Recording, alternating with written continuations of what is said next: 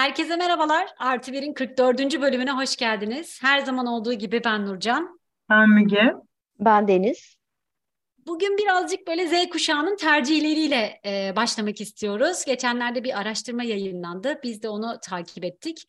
E, Z ve X kuşaklarının tercih ettiği markalar, markaları da karşılaştırmışlar. Aslında o da çok enteresan oldu.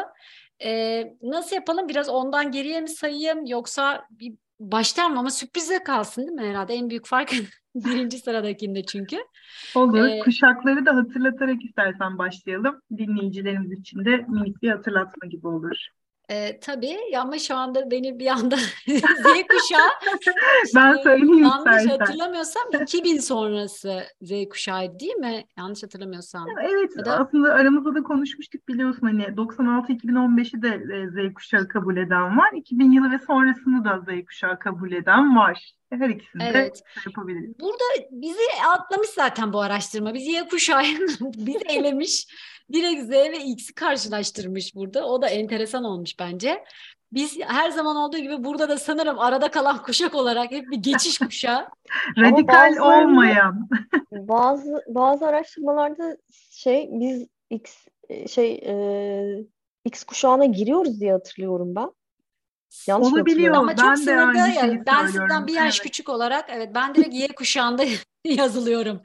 Bilmiyorum evet, bence evet. Y kuşağıyız ya. Yani hani bu kadar sonu zaten e, sizinki de bir de farklı kabuller de var. E, ama burada tabii radikal olan farkı ortaya koymak için X ve evet. Z'yi karşılaşmışlar. Asıl eğlence burada başlıyor. evet. 10. sırada Apple Pay var. E, zaten bunu görünce direkt bu Amerika'da e, yapılmış bir araştırma olduğunu anlayabiliriz diye tahmin ediyorum. Çünkü bizde hala da Apple Pay çok aktif kullanılmıyor.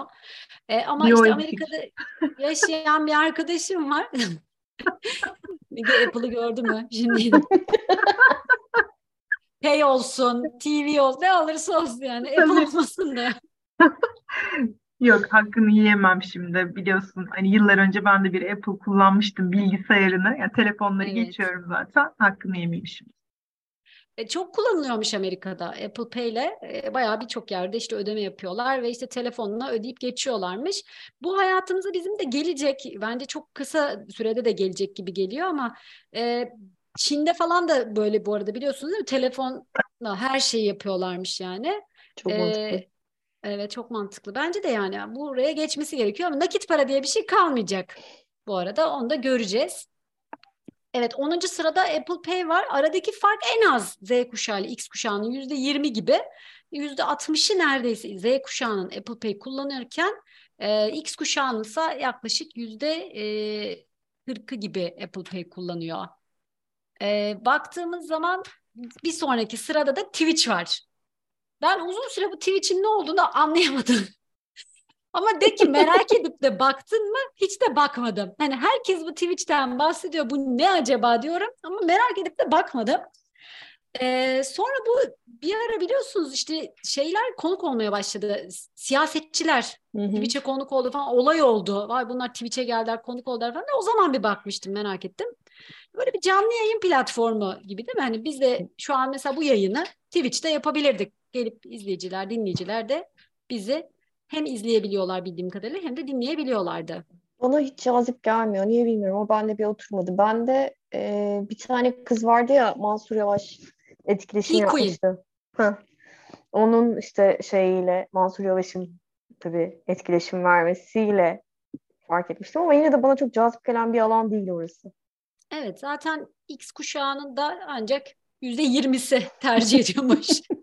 Twitch'i. Z kuşağına baktığımda da yüzde 42 gibi. Yine de bana mesela sorsan daha yüksek olacağını söylerdim. Daha düşük geldi. Ee, bir üst sırada Trolle diye bir marka var ve bunu geçiyorum direkt. Çünkü Amerika'daki bir şekerleme markası herhalde. Hiç adını duymadığımız ve bilmediğimiz e, bir marka olduğu için. Aynı şekilde yedinci sırada da Shein diye yine bir moda, kıyafet, tekstil markası var. Bu da bizim bilmediğimiz e, bir marka. O yüzden onu da geçiyorum.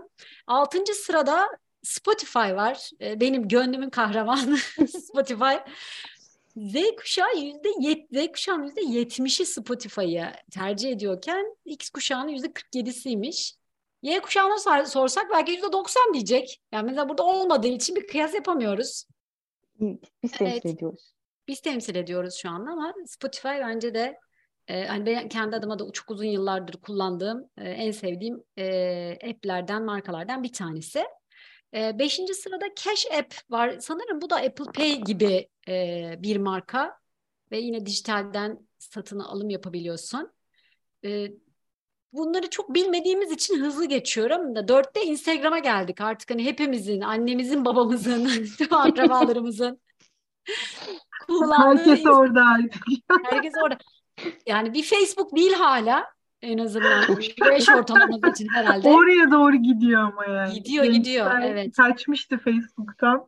70 yaş Gençler kalmıştı ama. Ama Z kuşağının %73'ü e, Instagram'ı tercih ediyor. Bu listedeki en yüksek oran bu arada hani Z kuşağının tercihi anlamında. E, baktığımız zaman %70'ü Instagram'ı e, tercih ediyor. Ah Nurcan Y kuşağı burada olacaktı kim bilir. Onda değil mi? Kuşağının yüzde 48'iymiş yaklaşık 50 gibi. Yani aradaki fark 25'lere geliyor Instagram'da. E, iki kuşağın e, tercihi arasındaki fark. E, bilmiyorum hani Instagram sürekli kendini de yeniliyor. E, bence orada başarılı bir politika e, gidiyorlar gibi geliyor bana. Yani Facebook'ta Facebook'un almasıyla ben rahatsız olmuştum yani. Bir yandan da böyle tekel oluyor gibi yani WhatsApp'ı falan da alınca hepimiz böyle Zuckerberg'in köleleriymişiz gibi. Onu da aldı, bunu da aldı. Bir rahatsız oldum ama bence Instagram'da yani Facebook'la çok benzer şeyler yapmadı. Orada hani farklı olduğunu hala ben hissediyorum. Her ne kadar sahibi aynı olsa da bilmiyorum siz ne düşünüyorsunuz Instagram için ama. Ben seviyorum Instagram'ı. Yani orada şey de ilgi alanıma dair şey de görebiliyorum. Ne denir ona? Ee, İçerik paylaşım falan. İçerikler yani takip edebileceğim işte e, okuyabileceğim, edebileceğim sadece fotoğraf bakma anlamında değil. E, o bakımdan da besleyebiliyor beni ilgi alanlarıma göre. E, o yüzden ama hani fotoğrafta hızlı bakıp şey yapıp o da o yüzden ben seviyorum Instagram'ı. Evet ben de seviyorum yani gün içerisinde muhakkak hani baktığım uygulamalardan bir tanesi. Peki bir üst sıradaki Snapchat için ne düşünüyoruz? Kullanan var mı içimizde Snapchat? Yani ben kendi adıma onu da kullanmadım. Valla benim kızım orada yaşıyor yani. Öyle söyleyeyim evet işte. Snapchat'te. Evet onlar çok fazla kullanıyor. Bence eğlenceli. Hani her şeyde olduğu gibi kötüye de kullanılabilen bir uygulama ne yazık ki ama bayağı eğlenceli diye düşünüyorum ben Snapchat. Ben Snapchat'le ilgili bilgim e, o zaman Boğaçan'dı. Onu onun için indirdik. Orada değişik değişik böyle emojiler, şeyler, filtreler falan var ya onlarla eğlensin diye.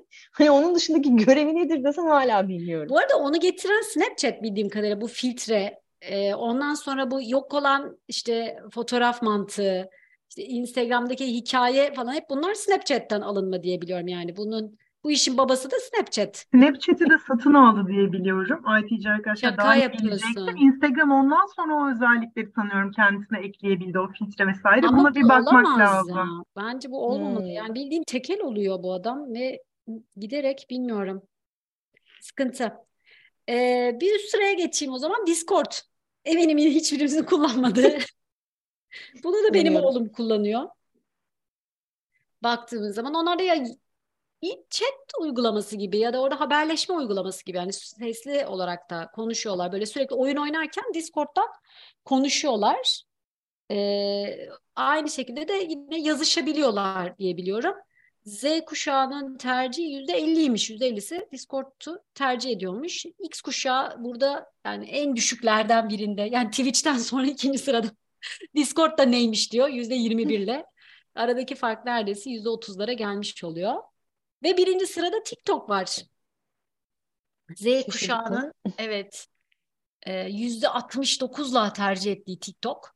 Ve X kuşağı yüzde 38. Yani şu iki gün öncesine kadar o teyzeleri izlemeseydim çok mantıklı gelecekti bana da bu e, oran ama yani teyzeleri görünce TikTok'ta ya da TikTok'tu değil mi onların yayın, yayın Hı, yaptığı yer? TikTok, TikTok. Bu arada bayağı teyze. TikTok'tan hani gelir elde edenler falan varmış yani. Teyzeler de keşfetti bu alanı. Bu arada bir düzeltme yapmak istiyorum arkadaşlar. Facebook Snapchat uygulamasını satın almak için 3.9 milyar dolar teklif etmiş. Fakat Snapchat yöneticileri de reddetmişler. Oradan Birileri tezgih... haddini bildirmiş. Yani evet, evet, evet, evet. Takdiri hak ettiler. Evet. e, sevmediklerimiz listesinde bir Elon Musk herhalde iki Zuckerberg öyle gidiyor sıralama.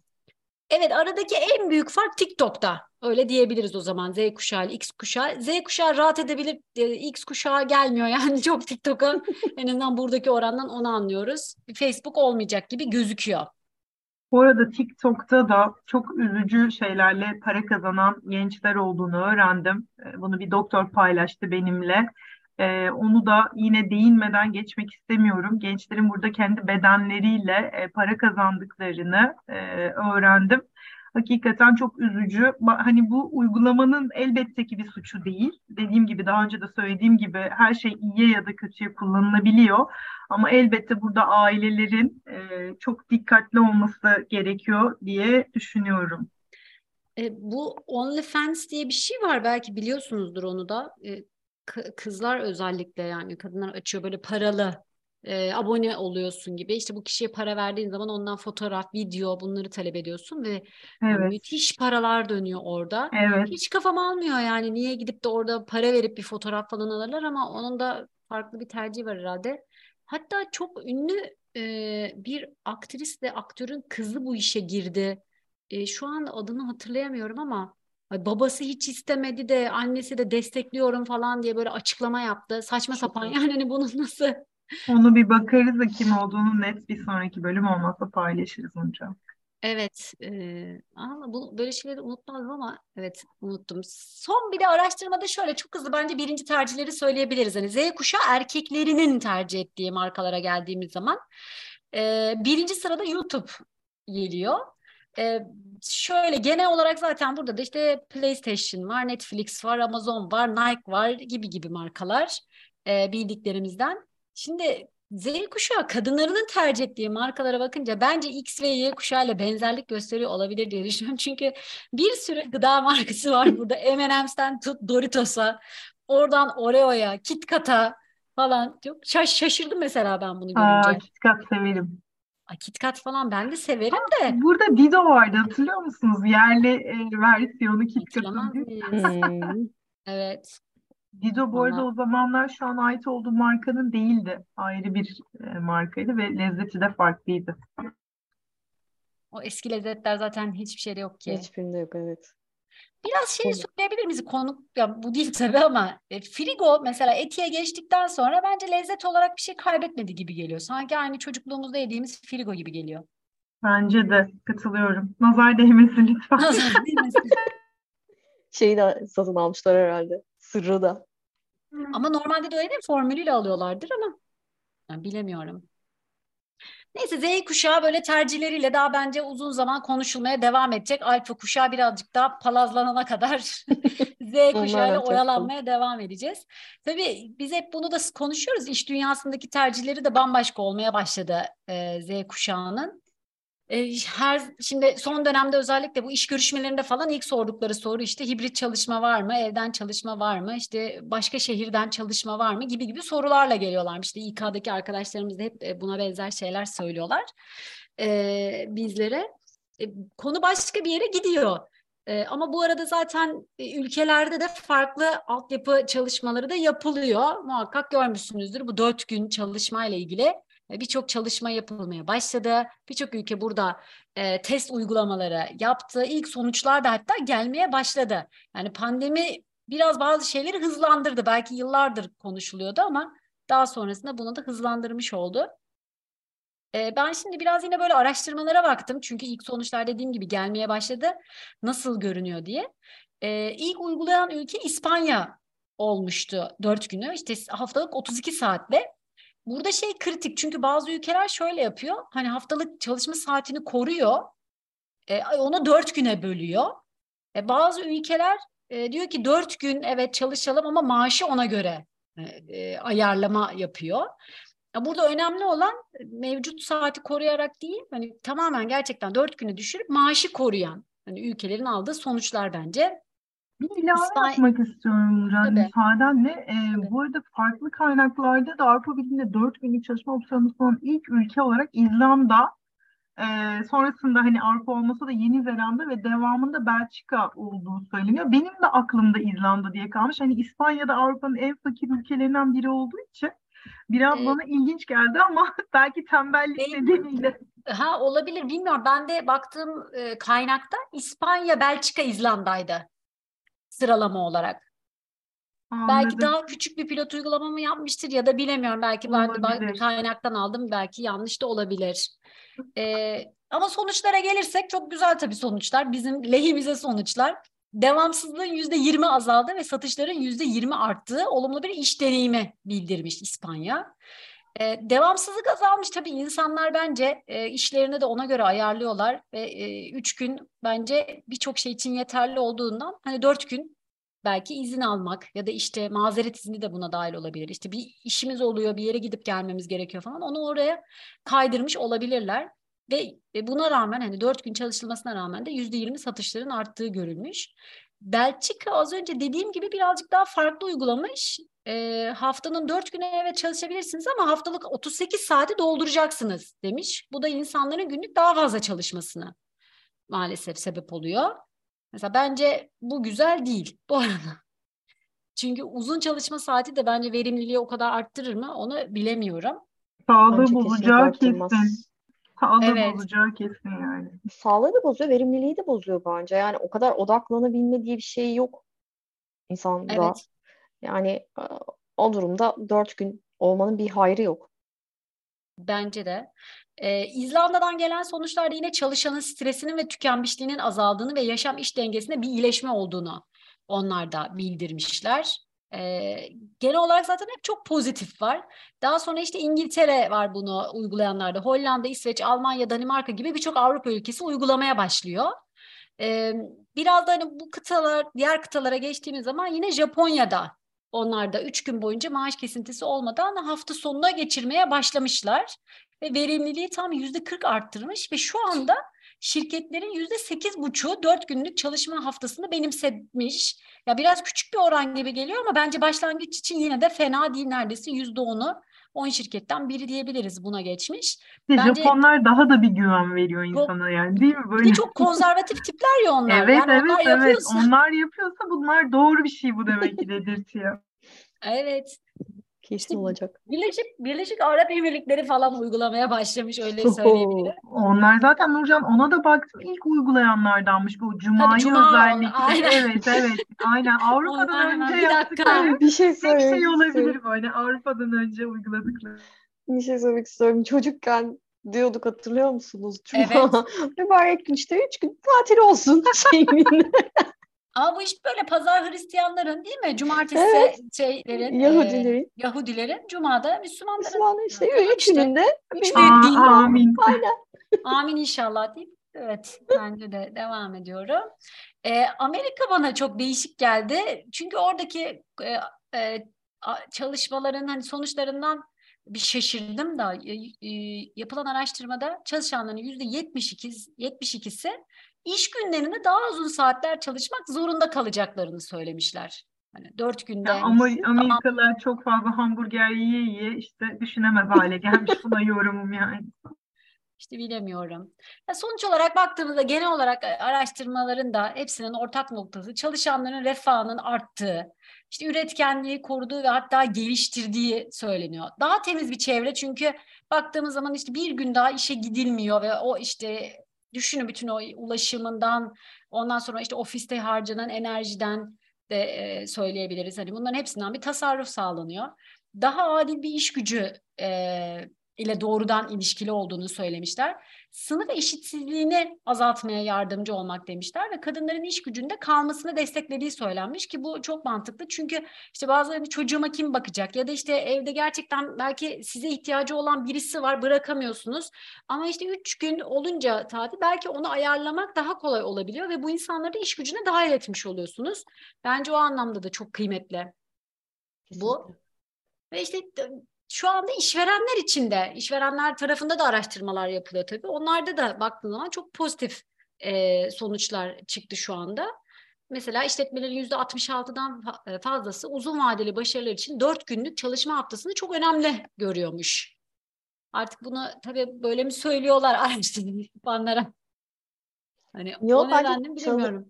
Çal- yani bunu tercih eden, bu çalışma stilini tercih eden markalar tercih edileceği için O da aslında şeyi e, çalışanının hani uzun ömürlü olmasını sağlatıyor. Kendi içinde verimliliği arttırıyor. Tercih edilebilirlik getiriyor bence. Yani Türkiye'de başlasa bence çok tercih edilir. Ya burada çok madde var. Onların hepsini tek tek saymak istemiyorum da sizi ben farklı bir soruyla geleyim. E, bence bu muhtemelen daha önceden de bir gündü herhalde. Pazar günü izin yapılıyordu. Altı gün çalışılıyordu. Sonra bu iki güne çıkınca o bütün verimlilik artmıştı. Böyle araştırmalar yapılmış mıydı bilmiyorum ama tabii yani müthiş sonuçlar sağlamıştı. E, hadi iki gün tatil yapalım dediler. E, sonra insanoğlu tabii buna da alışıyor. Ya, öyle mi oldu acaba bilmiyorum. Şimdi üç gün çok güzel geliyor bize. Bundan 50 yıl sonra şey denecek mi acaba? Niye 3 gün tatil ya? Niye 4 gün değil? Yani 4 gün tatil yapalım, 3 gün çalışalım denecektir gibi geliyor bana. Kesin kesin deneyecektir ama hayatta onu getiriyor. Yani hani biraz önce bahsettiğim gibi Nurcan sonuçta e, insanların hani özel bir hayatı da var. Onunla ilgili olarak yapmak istediği, zorunlu olduğu, istemek dediği zorunlu olduğu şeyler olduğu zaman yok izin alması gerekiyor, yok işte işi gücü ayarlaması gerekiyor, ediyor. Ve e, günümüzde maruz kaldığımız o bilgi şeyi beynimizi ciddi anlamda yoruyor sonuç itibariyle. Boşaltmak için kendimize vakit ayırmamız gerekiyor. Bunun için de iki Biz o bir günü istiyoruz değil. o zaman. Hakkımız. İsteriz. Söke söke alacağız. Avrupa'daki şeyi de seviyorum. Bazı çalışma şekillerinde e, haftada iki gün, üç gün gibi seçip maaşını da o oranda alıyorsun. Yani böyle evet. işler de var. E, keşke bunlar da çoğalsa. Yani belki daha az hani o işte özel hayatla iş hayatı dengesini insan bu şekilde de sağlayabilir. Herkesin gelir beklentisi aynı olmak zorunda değil. Yaşam standart beklentisi aynı olmak zorunda değil. Bunları da bence göz önüne almakta fayda var. Avrupa'daki güzel örnekler. Evet, özellikle annelere sundukları şey çok iyi yani çocuğu olanlara işte gün sayısı, saat, işte sabahtan akşama kadar olmak zorunda değil gibi alternatifler bence çok çok iyi. Ben hani benim söylediğim tabii şey komple arkadaşlar. Yani herkes biliyorum. için evet kesinlikle annelerle ilgili veya özel durumu olan herkesle ilgili ben de katılıyorum. Bunların zaten olmazsa olmaz e, şartlar olması gerektiğine. Evet. Neyse bize de biliyorsunuz bir pilot uygulama bizde de başladı bir şirket. E, bakalım ondan sonuçlar gelecek mi? Ondan gelen sonuçları diğer şirketler dikkate alacak mı falan bunları da zaman gösterecek.